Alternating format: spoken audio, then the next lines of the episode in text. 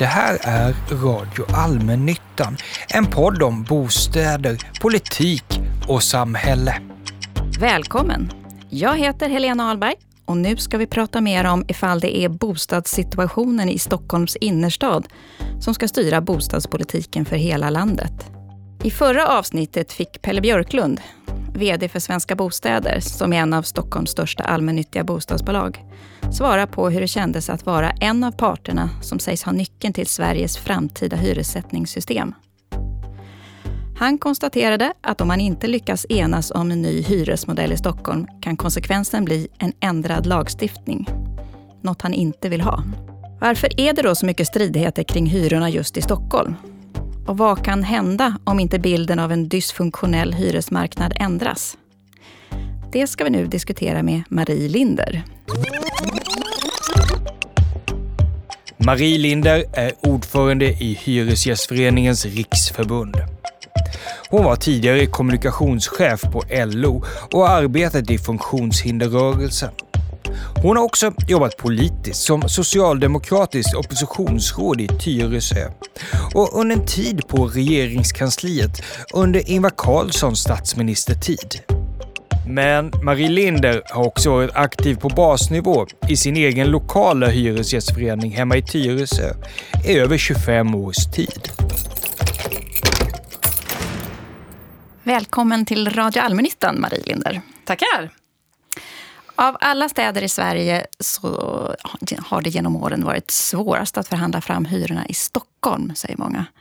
Varför är det så? Min bild som förbundsordförande de senaste fyra åren så har det, det har ju funnits fler platser där det har varit lite knöligt. Men eh, i Stockholm så kan det väl vara så att det är väldigt mycket där maktmedia finns och så vidare som, som gör att det påverkar. Och det är väl också så att Stockholm är en, en storstad med en, en stark innerstad och eh, också ytterförorter på olika sätt och vis. Jag, tro, jag tror att det finns flera olika orsaker till att det ibland har varit lite tuffare förhandlingar. Eh, det, det, är ju lite grann så att Stockholm är ett skyltfönster. Men i ärlighetens namn så är det ju ungefär 300 000 personer som kan bo i Stockholms innerstad. Då, då ska man ställa det mot de en och en halv miljoner hyresgäster som vi förhandlar, eller närmare tre miljoner hyresgäster som vi förhandlar hyrorna för i landet. Det sägs ofta att i Stockholm så finns det tokbilliga lägenheter i innerstan. Där släpper man inte kon sitt kontrakt för allt smör i Småland. Och sen så finns det jättedyra lägenheter ute i förorterna. Stämmer den bilden? Det här med att det finns tokbilliga lägenheter, det har vi ju hyresstatistik på. Det skiljer 30 procent mellan innerstad och ytterstad. Eh, och, Åt vilket håll skiljer det då? Alltså det, det, det är dyrare att bo i innerstan. Så ser, så ser staplarna ut. Det är både liksom nyproducerat, renoverat och inte renoverat. Men det finns, ju, det finns ju ett skäl till att vi har nu börjat jobba med en systematisering i Stockholm. Och det är ju för att, för att gå igenom alla de här olika delarna. Men sen är det ju också så mycket myter som florerar runt Stockholm. Stockholm. Eh, det, kan, det, det, kan vara dels det här med att man bor väldigt stort i Stockholms innerstad. Det stämmer ju inte. Därför att den största andelen lägenheter är treor och mindre. Så att my, det finns många myter om Stockholms innerstad som jag tror att det är viktigt att man liksom avvecklar. Den lilla tanten som sitter ensam i en jättestor lägenhet, hon Finns inte? Det vet inte jag. Jag har hittills aldrig... Jag har, jag har hört talas om tanten som bor i den stora lägenheten. Och dessutom ska hon bo på Östermalm. Det är också det, det, man, det man säger. Men jag har fortfarande inte sett henne i, i, verklighet. Däremot så kan jag säga att jag får ju ibland telefonsamtal från hyresgäster, medlemmar som ringer. Och de flesta av dem handlar om att man, inte, man är väldigt oroad för sin ekonomi. Vi vet att hyresgäster betalar mest av sin disponibla inkomst för att bo. Eh, och speciellt om man tittar på eh, gruppen äldre så ser, eh, ser deras situation ganska allvarlig ut. Och de tanter jag har pratat med i Stockholm, de, de sitter inte i stora lägenheter. De funderar på hur de ska bo kvar i de små lägenheter de bor i.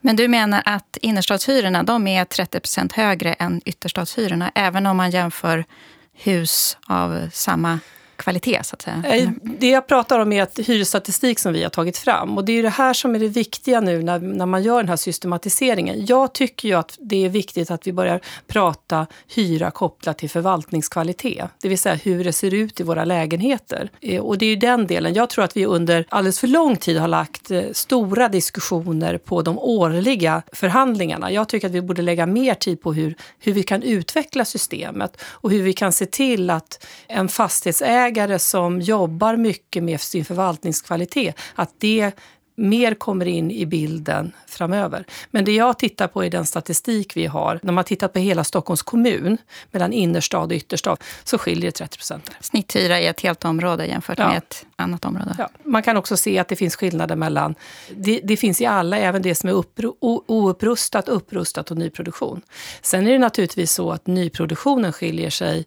Det tror jag kan vara ännu större skillnader mellan nyproduktionen i ytterstan och innerstan. Du menar att det är dyrare nyproduktion i innerstan än i ytterstan? Eller? Jag pratade med någon som bodde i Djurgårdsstaden som, som betalar 22 000 i, i hyra. Och den typen av hyra har jag inte hört i, i ytterstaden. I de här årliga förhandlingarna så har det ju ofta ända sedan 90-talet stått att i när förändringen är klar, då, att i område X så höjer vi hyran med 2,2 procent och i område Y så höjer vi med 1,5 procent i. Kan man därmed säga att det har funnits en lägesfaktor i många, många år? Jag ska säga så här, det där varierar ju. I min kommun nu så håller vi på att ta fram en systematisering. Och där har man ju inte gjort på det sättet, utan där har man gjort ett rakt påslag på alla olika områden. Det gör ju att vi har fått en skev hyr hyresbild. Det vi gör nu är ju att vi försöker utveckla systemet ännu mer. Och det försöker vi inte bara göra i Stockholm, utan vi gör det i Tyresö. Vi gör det längs hela Norrlandskusten. Den kommun kommun som har kommit längst med sitt systematiseringsarbete, det är ju Malmö som har gjort om sin modell tror jag, för fjärde gången nu. Om vi hänger kvar i Stockholm en liten stund till så har man ju försökt förhandla fram en ny hyresmodell mellan mm. de tre parterna, då, Hyresgästföreningen, allmännyttan och fastighetsägarna vid flera tillfällen utifrån först någon slags geografisk områdesuppdelning och sen någon lite mer systematisk poängsystem. Men det slutar alltid med att någon part hoppar av. Ja, och jag hoppas att vi ska komma fram nu i det arbete vi sitter idag. Det är ju allmännyttan idag som sitter tillsammans med Hyresgästföreningen Region Stockholm och för de här diskussionerna. Jag hoppas verkligen att vi ska komma fram med en modell där vi... Ja, det känns bättre förankrat i vår organisation. Jag tror att man måste se till att tillåta olika former av diskussioner. Men jag tror att det här är viktigt därför att det jag pratade om inledningsvis, förvaltningskvalitet, är sådana saker som jag tycker att man måste se ett större genomslag med. Eh, naturligtvis också som det som diskuteras i lägesfaktorn eh, är ju också en parameter som är viktig att ha med. Och den har vi haft med hela, den, den har ju funnits som en parameter i bruksvärdessystemet. Men det här handlar ju någonstans om att också att se till att, att jämföra, därför städer utvecklas ju hela tiden. Jag kan konstatera Eh, allt annat lika. Jag bor i ett bostadsområde i Tyresö som är byggt 1982. 200 meter ifrån mig så finns det ett till bostadsområde som är byggt några år senare. Vi har lika långt till bussen. Och då skulle jag säga kanske mitt område har ytterligare en kvalitet som det andra området inte har. Vi har nämligen hiss i våra punkthus. Men det, det området betalar 500 kronor mer i månaden med en jämförbar lägenhet.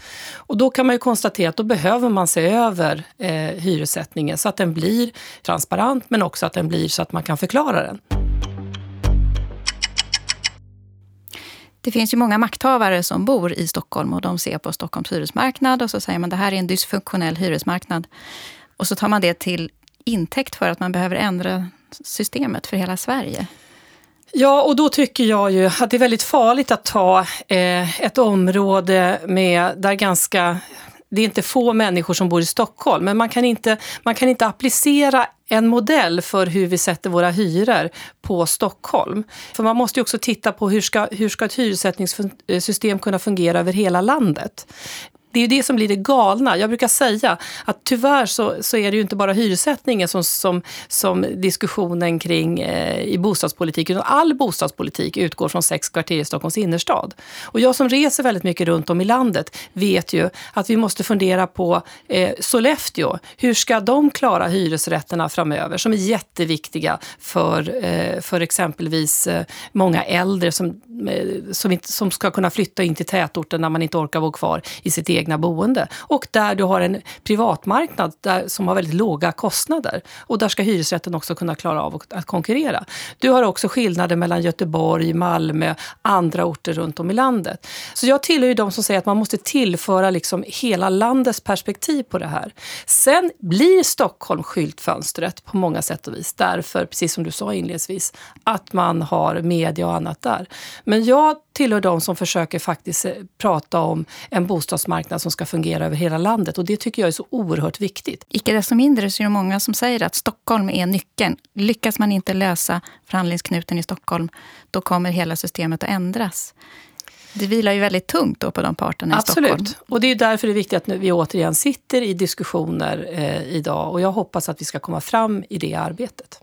Och många ute i landet å andra sidan klagar då på att det är bara verkligheten i Stockholms innerstad som mm. får styra svensk bostadspolitik. Och då, det var därför jag försökte säga, vi jobbar nu med systematiseringsmodeller över hela Sverige. Det vore kanske bättre att man tog en resa ner till Malmö för att titta på en stad som dessutom har utvecklats, där nya stora stadsdelar växer fram och där man då också ska implementera ett, ett, en systematisering. Men det är viktigt att vi kommer på plats i Stockholm, det är viktigt att vi kommer på plats i Tyresö, det är viktigt att vi kommer på plats i Sundsvall var vi än befinner oss är det viktigt att vi, liksom, eh, att vi landar och hittar ett system. Därför det grundläggande handlar ju om att vi som hyresgäster, konsumenter, ska faktiskt ha möjlighet att påverka vår boendekostnad. Hur vrider man den här bilden då? Är det genom att lyfta exempel från andra delar av landet? Ja, det tror jag. Ett förhandlingssystem måste hela tiden utvecklas. Sen dag ett jag blev vald som ordförande så tog jag exempelvis jag tog en direkt kontakt med fastighetsägarna. Jag sa att jag vet att vi inte haft kontakter nu.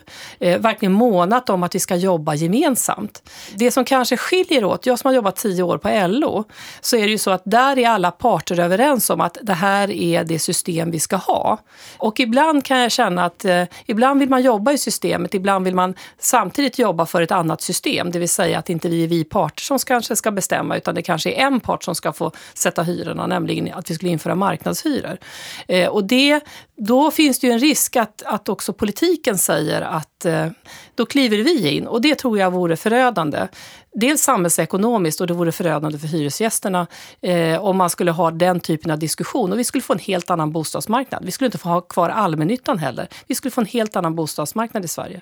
Så att, eh, jag tycker att vi parter har ett stort ansvar. Jag upplever också nu att vi har utvecklat och tagit kliv i treparten. Eh, alltså mellan Sabo, fastighetsägarna och oss. Och jag hoppas att de eh, dialogsamtalen vi har på gång nu ska leda till en, till en positiv utveckling.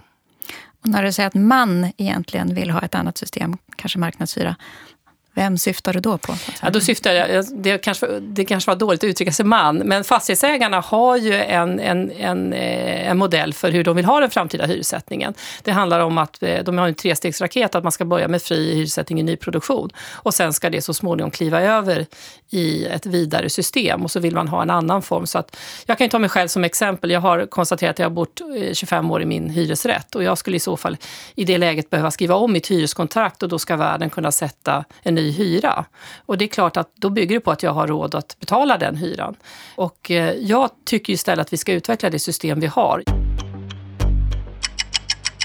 Många fastighetsägare eh, på, på den privata sidan men också på den allmännyttiga sidan lyfter ofta att de upplever att Hyresgästföreningen har ett slags vetorätt i förhandlingarna och man tycker att det är bara Hyresgästföreningen som drar ut på det och inte har något skäl att komma överens.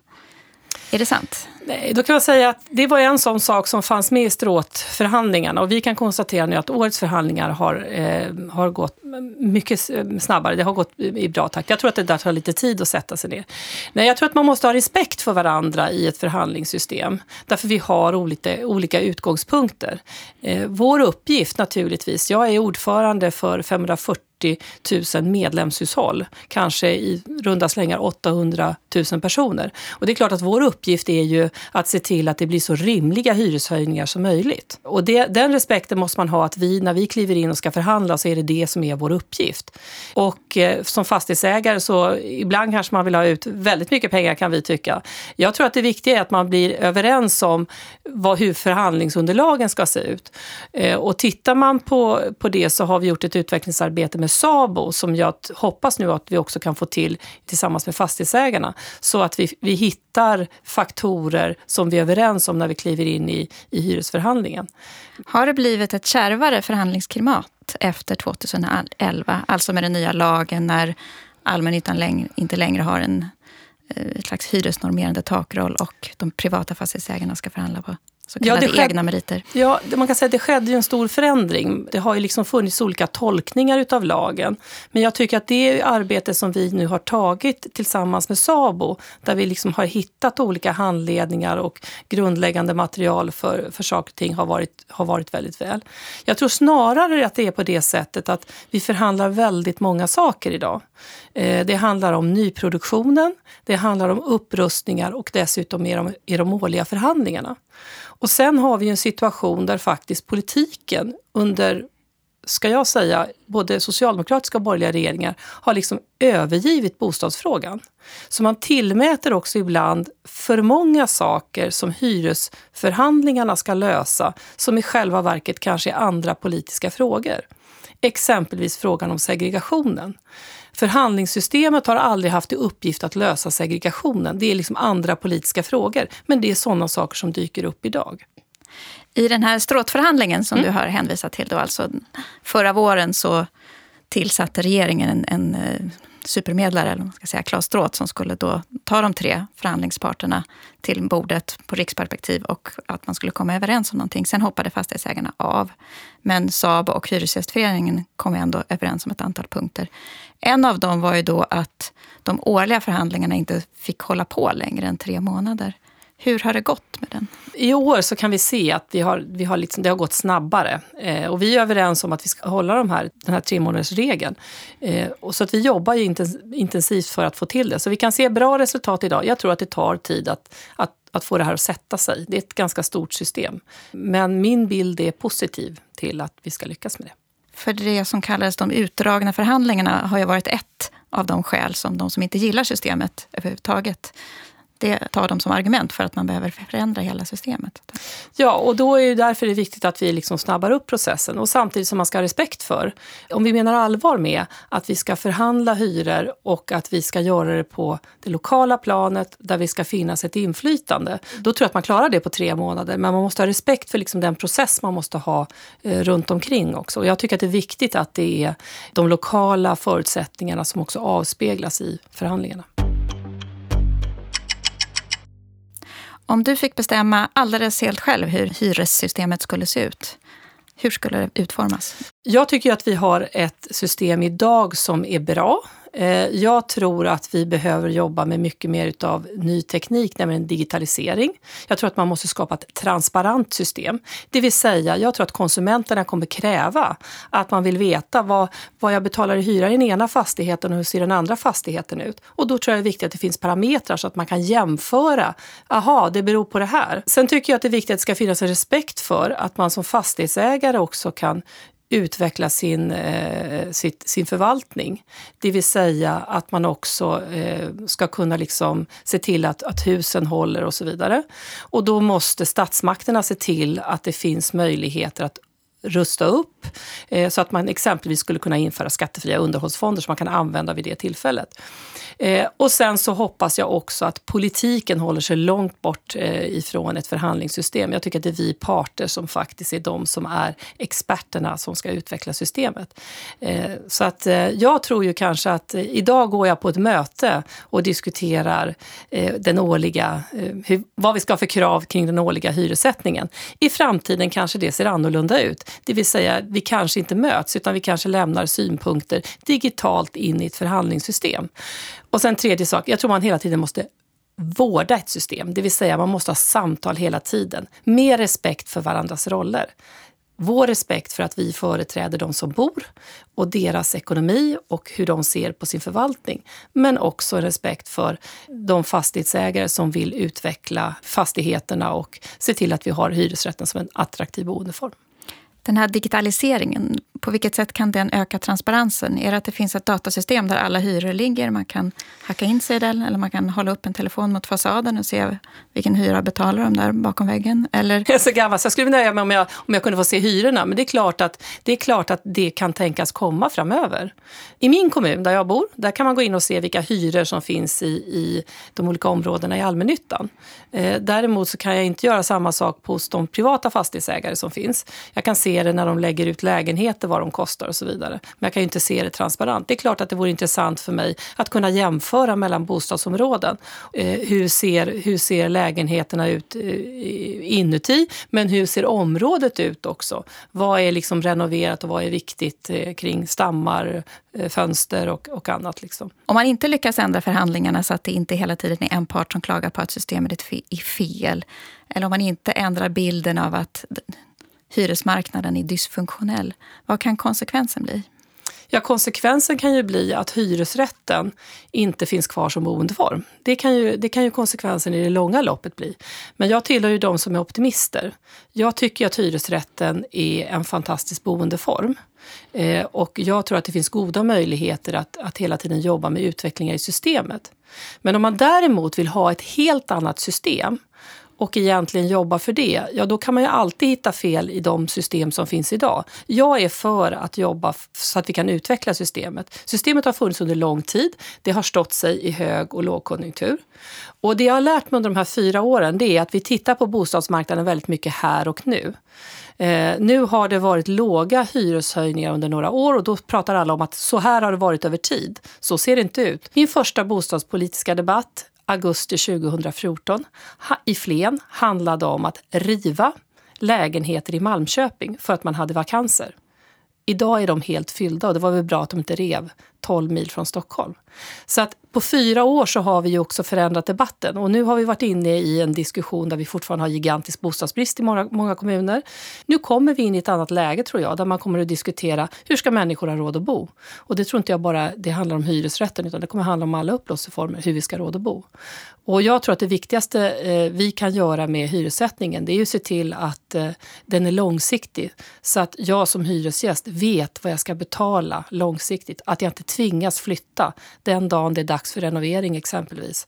Eller att de nyproducerade hyresrätterna som byggs ska också de ungdomar som bor kvar hemma, som är 26-27 år, att de ska ha råd att flytta in i dem, att de ska kunna få efterfråga dem när de har ett tillfälligt jobb som kanske inte ger den högsta inkomsten. Det är liksom det som är de stora utmaningarna. Men om Hyresgästföreningen så att säga krånglar för mycket i förhandlingarna, då kanske man rycker undan mattan för sig själv. Att det till slut blir en majoritet för att ha ett helt annat system.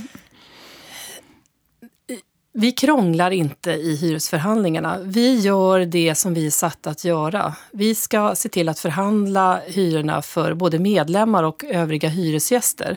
Vi vill ha ordentliga underlag att förhandla hyror på. Så att jag värjer mig mot den frågan och säger nej, det måste finnas respekt för vår uppgift. Och jag ser ju hellre mycket mer av samverkan.